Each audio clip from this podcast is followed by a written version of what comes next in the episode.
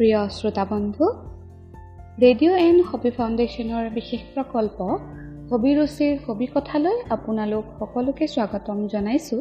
মই আপোনালোকৰ সুখী পল্লৱী বৰ্মনে। বন্ধুসকল কৰোণা ভাইৰাছৰ সম্ভাৱ্য সংক্ৰমণৰ পৰা দেশৰ নাগৰিকসকলক ৰক্ষা কৰিবলৈ বিভিন্ন দেশৰ চৰকাৰে ঘোষণা কৰা লকডাউনৰ সময়ছোৱাত আজি স্বাস্থ্য সুৰক্ষা আৰু অত্যাৱশ্যকীয় সেৱাত জড়িত কোভিড যোদ্ধাসকলক বাদ দিলে প্ৰায় সমগ্ৰ বিশ্ববাসী নিজৰ ঘৰখনতে সোমাই আছে। বৰ্তমানে আমাৰ দেশৰ কিছু কিছু অঞ্চলত লকডাউন ব্যৱস্থাত সামান্য শিথিলতা প্ৰদান কৰা হৈছে যদিও ক'ভিড নাইণ্টিনৰ দৰে নেদেখা শত্ৰুৰ আক্ৰমণৰ পৰা ৰক্ষাৰ একমাত্ৰ শ্ৰেষ্ঠ উপায় যিহেতু ঘৰতে থকাটো সেয়েহে আমিও আশা কৰিছোঁ যে আপুনি নিশ্চয় প্ৰয়োজনীয় সাৱধানতা অৱলম্বন কৰি বৰ্তমানে ঘৰতে সুৰক্ষিত আছে। অৱশ্যে ব্যস্ততাৰে পূৰ্ণ আজিৰ পৃথিৱীত গৃহপণ্ডিতৰ দৰে আমনিদায়ক অভিজ্ঞতাতকৈ কষ্টকৰ একোৱেই হ'ব নোৱাৰে। তাকেই দূৰ কৰিবলৈ আজি বহুতো লোকে শৈশৱকালত বা ছাত্ৰ জীৱনত কৰি ভালপোৱা কিছু কামকে আকৌ কৰিবলৈ লৈছে। তেনেবোৰ কামৰ অধিকাংশ কোনো নহয় কোনো বিশেষ হবি বা চখৰ সৈতে জড়িত।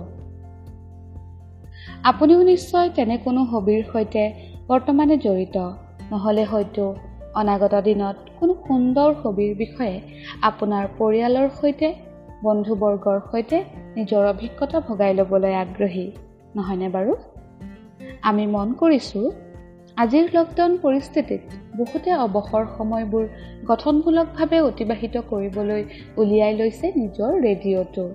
আৰু দেশ বিদেশৰ নিৰ্ভৰযোগ্য আৰু সঠিক বা বাতৰি ইয়াৰ পৰাই সংগ্ৰহ কৰিছে তথা ৰেডিঅ'ৰ নিৰ্ভেজাল মনোৰঞ্জনধৰ্মী অনুষ্ঠানবোৰ উপভোগ কৰিছে। আন কিছুমানে আকৌ এসময়ত গোটাই থোৱা ডাক টিকট দেশী বিদেশী মুদ্ৰা ৰং বিৰঙৰ সচিত্ৰ দিয়া চলাই বাকচ ষ্টিকাৰ ভিন্ন সোৱাদৰ সংবাদ পত্ৰ আলোচনী আদিও উলিয়াই আনি তেনে সামগ্ৰীসমূহ সংগ্ৰহৰ সৈতে জড়িত মধুৰ স্মৃতি ৰোমন্থন কৰিছে। গোটোৱা সামগ্ৰীসমূহ চিজিল কৰি সময় কটাইছে। কিতাপ পঢ়ি ভাল পোৱাসকলে আনি থোৱা কিন্তু পঢ়িবলৈ সময় নোপোৱা কিতাপ পঢ়িছে। চিনেমা চাই ভাল পোৱাসকলে আগ্ৰহৰ ফিল্মবোৰ চাইছে। কিছুমানে নিজৰ ফুলনিত কাম কৰি সময় কটাইছে। ছবি আঁকি ভাল পোৱাসকলে ছবি আঁকিছে। গান গোৱাই গান গাইছে। আৰু যে কত কি? ইণ্টাৰনেটৰ বহুল ব্যৱহাৰেও এইসকলক পূৰ্ণ সুযোগ দিছে নিজৰ নিজৰ প্ৰতিভা প্ৰদৰ্শনৰ।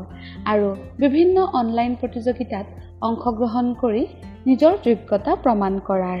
এক প্ৰকাৰে আজিৰ বিশ্ব এই লকডাউনৰ সময়ত সামাজিকভাৱে পৰস্পৰৰ পৰা দূৰত্বত থাকিও নিজৰ নিজৰ হবিৰ মাজেৰে ভাৰ্চুৱেল পদ্ধতিৰে সংযুক্ত হৈছে। হবিবোৰে তেওঁলোকক দিছে মানসিক খোৰাক তথা গঠনমূলকভাৱে জীৱন জীয়াতো সহায় কৰিছে। এনেবোৰ কথাই আমাকো অনুপ্ৰেৰণা দিলে। ভাৰ্চুৱেল মিডিয়াৰ এই মঞ্চত এক নতুন অনুষ্ঠানেৰে আপোনালোকৰ সৈতে সংযুক্ত হোৱাৰ। এতিয়াৰে পৰা প্ৰতি মাহত আপোনালোকৰ বাবে আমি লৈ আহিম নানান ধৰণৰ হবি সম্পৰ্কে কিছু কথা কিছু তথ্য হবি জগতৰ কিছু শেহতীয়া বা বাতৰি প্ৰতিবাৰে অনুষ্ঠানৰ শেষত আপোনালোকৰ বাবে আগবঢ়াই দিম দুটা প্ৰশ্ন যাৰ উত্তৰো হবি কথাৰ নিৰ্দিষ্ট খণ্ডটোতে লুকাই থাকিব। প্ৰশ্নবোৰৰ সঠিক উত্তৰদাতাসকলৰ মাজৰ পৰা আমি প্ৰতিমাহে এজন বিজয়ীক লটাৰী যোগে নিৰ্বাচিত কৰি পুৰস্কৃত কৰিম। সবিশেষ জানিবলৈ শেষলৈকে শুনি থাকক আজিৰ প্ৰথম হবি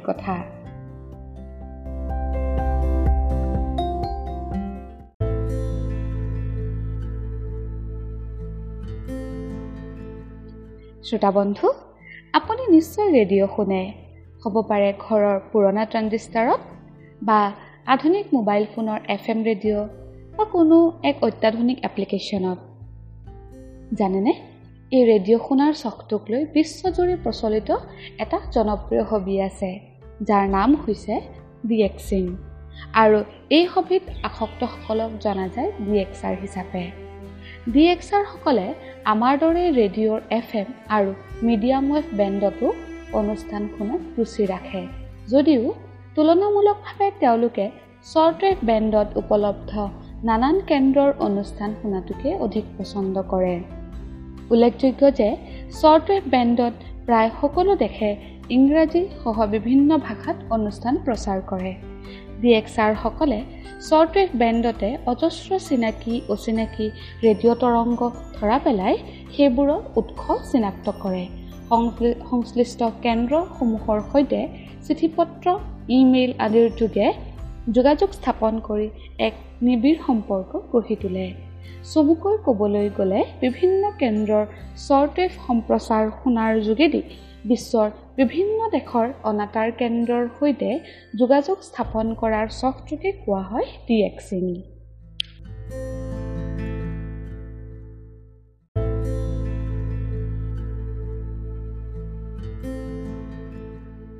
ডি এক্স এই ইংৰাজী শব্দটোৰ কাৰিকৰী অৰ্থ হ'ল দূৰৰ অজ্ঞাত ধ্বনি ইয়াত ডি বৰ্ণটোৱে দূৰত্ব অৰ্থাৎ ডিষ্টেঞ্চ আৰু এক্স বৰ্ণই অজ্ঞাত অৰ্থাৎ আননোন শব্দ দুটাক সূচায়।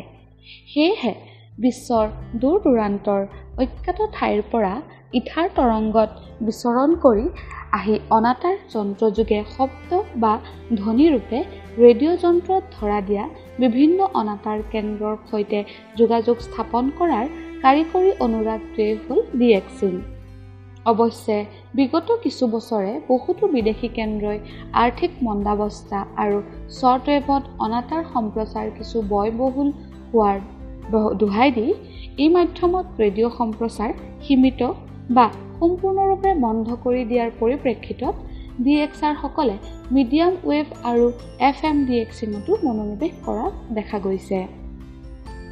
আনহাতে বিশ্বৰ বহুতো লোকে ছেটেলাইট টেলিভিছনতো দেশ বিদেশৰ টিভি ষ্টেচনবোৰ ধৰা পেলাই ৰেডিঅ' ডি এক্স আৰৰ দৰে কেন্দ্ৰবোৰৰ সৈতে যোগাযোগ স্থাপন কৰাৰ চখ এটাক লৈ চৰ্চা কৰি আহিছে। ইয়াৰ ফলস্বৰূপে এতিয়া ডি এক্সিঙৰ পৰিসৰ ৰেডিঅ'ৰ আটাইকেইটা বেণ্ডৰ উপৰি টেলিভিছনলৈকে সম্প্ৰসাৰিত হৈছে। অৱশ্যে মোবাইল আৰু ইণ্টাৰনেটত ৰেডিঅ' শুনাটোক ডি এক্সিঙৰ অন্তৰ্ভুক্ত কৰা নাযায়। ৰেডিঅ' ডি এক্সিঙৰ সৈতে জড়িত হৈ আছে কিছু কাৰিকৰী কথা। যিবোৰে এই ডি এক্সাৰসকলক বিদেশী কেন্দ্ৰবোৰৰ বাবে অতি মূল্যৱান শ্ৰোতাৰ শ্ৰেণীত অন্তৰ্ভুক্ত কৰে। ডি এক্সিঙৰ আছে বহুতো উপকাৰিতা যিবোৰে এজনক আনি দিয়ে প্ৰচুৰ জ্ঞানৰ পৰা আৰম্ভ কৰি উপহাৰলৈকে। সুযোগ দিয়ে বিনামূল্যে বিদেশ ভ্ৰমণৰ। ডি এক্সিঙৰ এনে আৰু বহু কথা আপোনালোকক জনাম সবিকথাৰ পৰৱৰ্তী খণ্ডত। এতিয়া ডাক টিকট সংগ্ৰহকাৰী বন্ধুসকলৰ বাবে দুটামান খবৰ দিব ওলাইছোঁ। ক'ভিড নাইণ্টিন নভেল কৰোণা ভাইৰাছৰ সংক্ৰমণৰ ফলস্বৰূপে বিশ্বজুৰি এক অভাৱনীয় পৰিস্থিতিত সন্মুখীন হোৱা মানৱ জাতিৰ উদ্ধাৰ কাৰ্যত যিসকল ক'ভিড যোদ্ধাই দিনে ৰাতি ব্যক্তিগত স্বাৰ্থক বিসৰ্জন দি সেৱা আগবঢ়াই আছে সেইসকল চিকিৎসক নাৰ্ছ স্বাস্থ্যকৰ্মী চাফাই কৰ্মী আৰক্ষী সেনাবাহিনী আৰু অন্যান্য ব্যক্তিসকলৰ প্ৰতি সন্মান জনাই শেহতীয়াকৈ বিশ্বৰ কেইবাটাও দেশৰ ডাক বিভাগে বিশেষ স্মাৰক ডাক টিকট প্ৰকাশ কৰিছে। অৱশ্যে এনেবোৰ ডাক টিকট প্ৰকাশৰ অন্তৰালত আন এক উদ্দেশ্য হৈছে মাৰাত্মক সংক্ৰামক ব্যাধিটোৰ সম্পৰ্কে জনসচেতনতা বৃদ্ধি কৰা তথা দৈনন্দিন জীৱনত ল'বলগীয়া সাৱধানতা সম্পৰ্কে মানুহক অৱগত কৰা। বিশ্বৰ প্ৰথমটো ক'ভিড নাইণ্টিন অতিমাৰী স্মাৰক ডাক টিকট প্ৰকাশ কৰে ইৰাণে।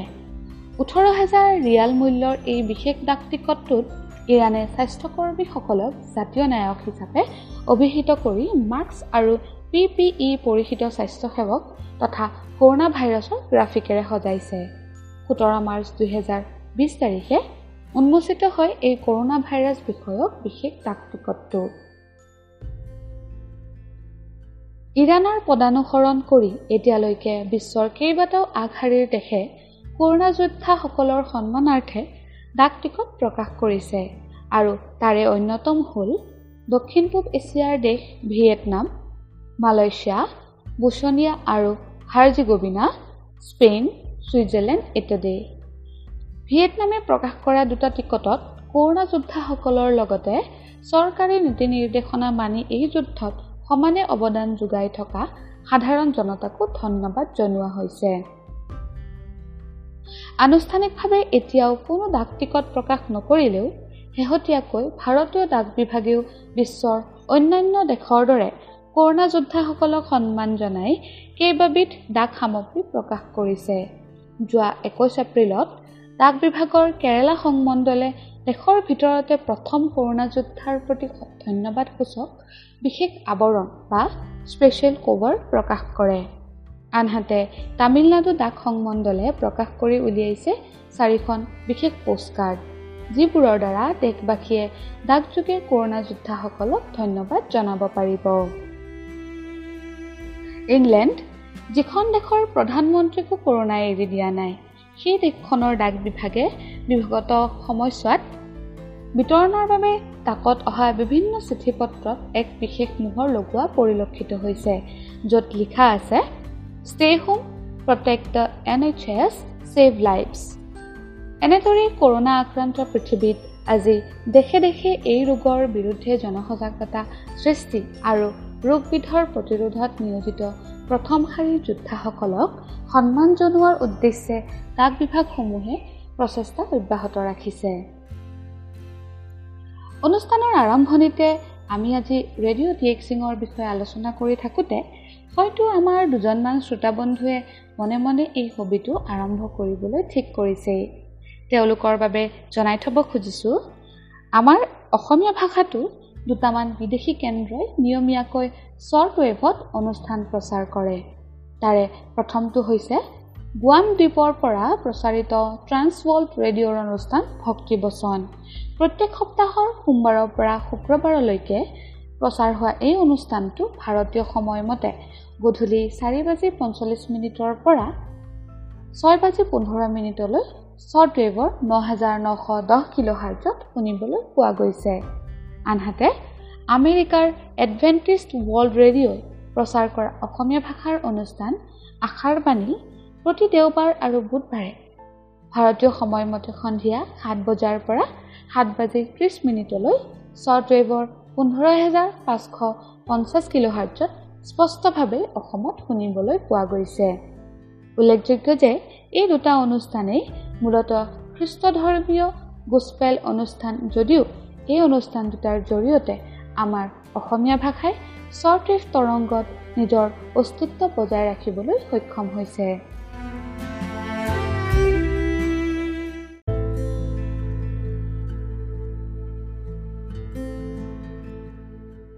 ডাক টিকট সংগ্ৰহৰ দৰে দেশ বিদেশৰ মুদ্ৰা বেংক নোট সংগ্ৰহ কৰাটো বহুতৰে প্ৰিয় হবি।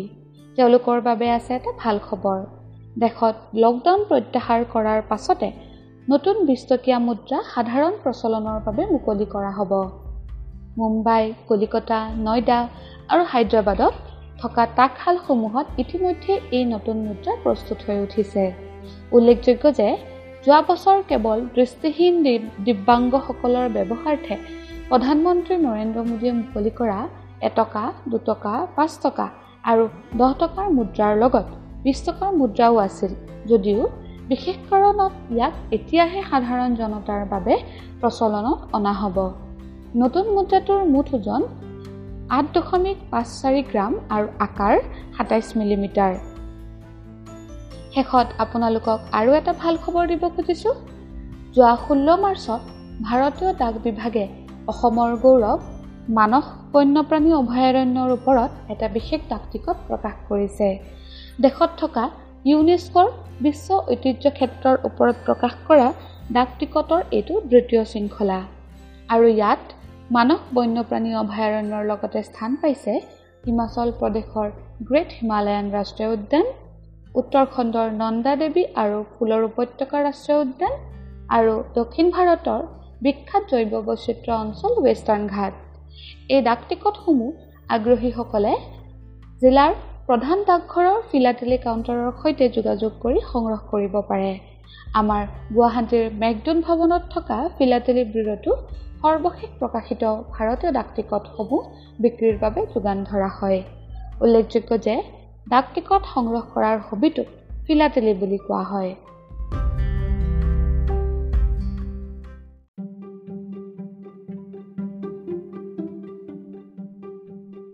সৰ্বশেষত আপোনালোক সকলোলৈ আগবঢ়াইছোঁ। মে' মাহৰ হবি কুইজৰ দুটা প্ৰশ্ন।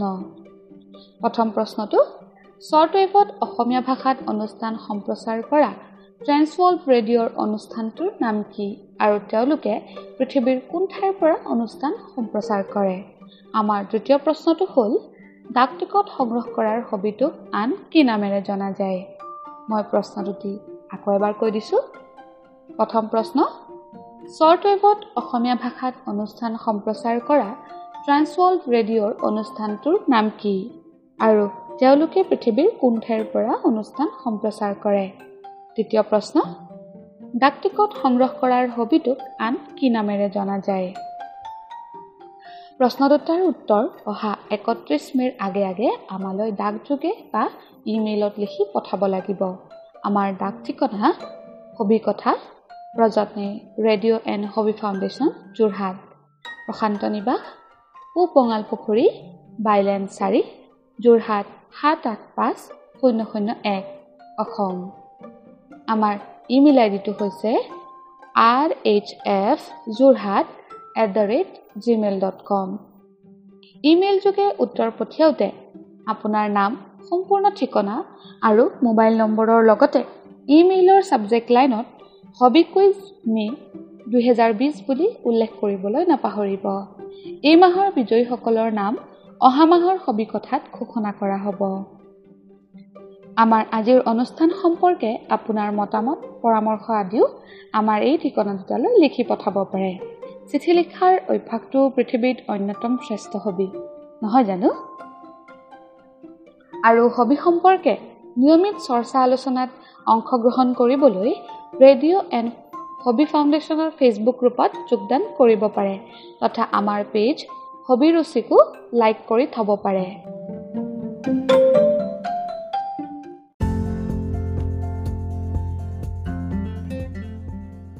তেন্তে বন্ধুসকল আজিলৈ ইমানতে সামৰিব খুজিছোঁ। আজিৰ হবি কথাৰ সম্পাদনা আৰু প্ৰযোজনা পৃথ্বীৰাজ পুৰুকাস্থৰ পৰৱৰ্তী হবি কথাত পুনৰ কিছু নতুন বিষয়ক লৈ আলোচনা কৰাৰ প্ৰতিশ্ৰুতিৰে মই পল্লৱীয়ে আপোনালোকৰ পৰা বিদায় লৈছোঁ। আৰু সদশেষত ক'ব বিচাৰিছোঁ সাৱধানে থাকিব সুৰক্ষিত থাকিব আৰু পাৰ্যমানে ঘৰতে থাকিব। নমস্কাৰ।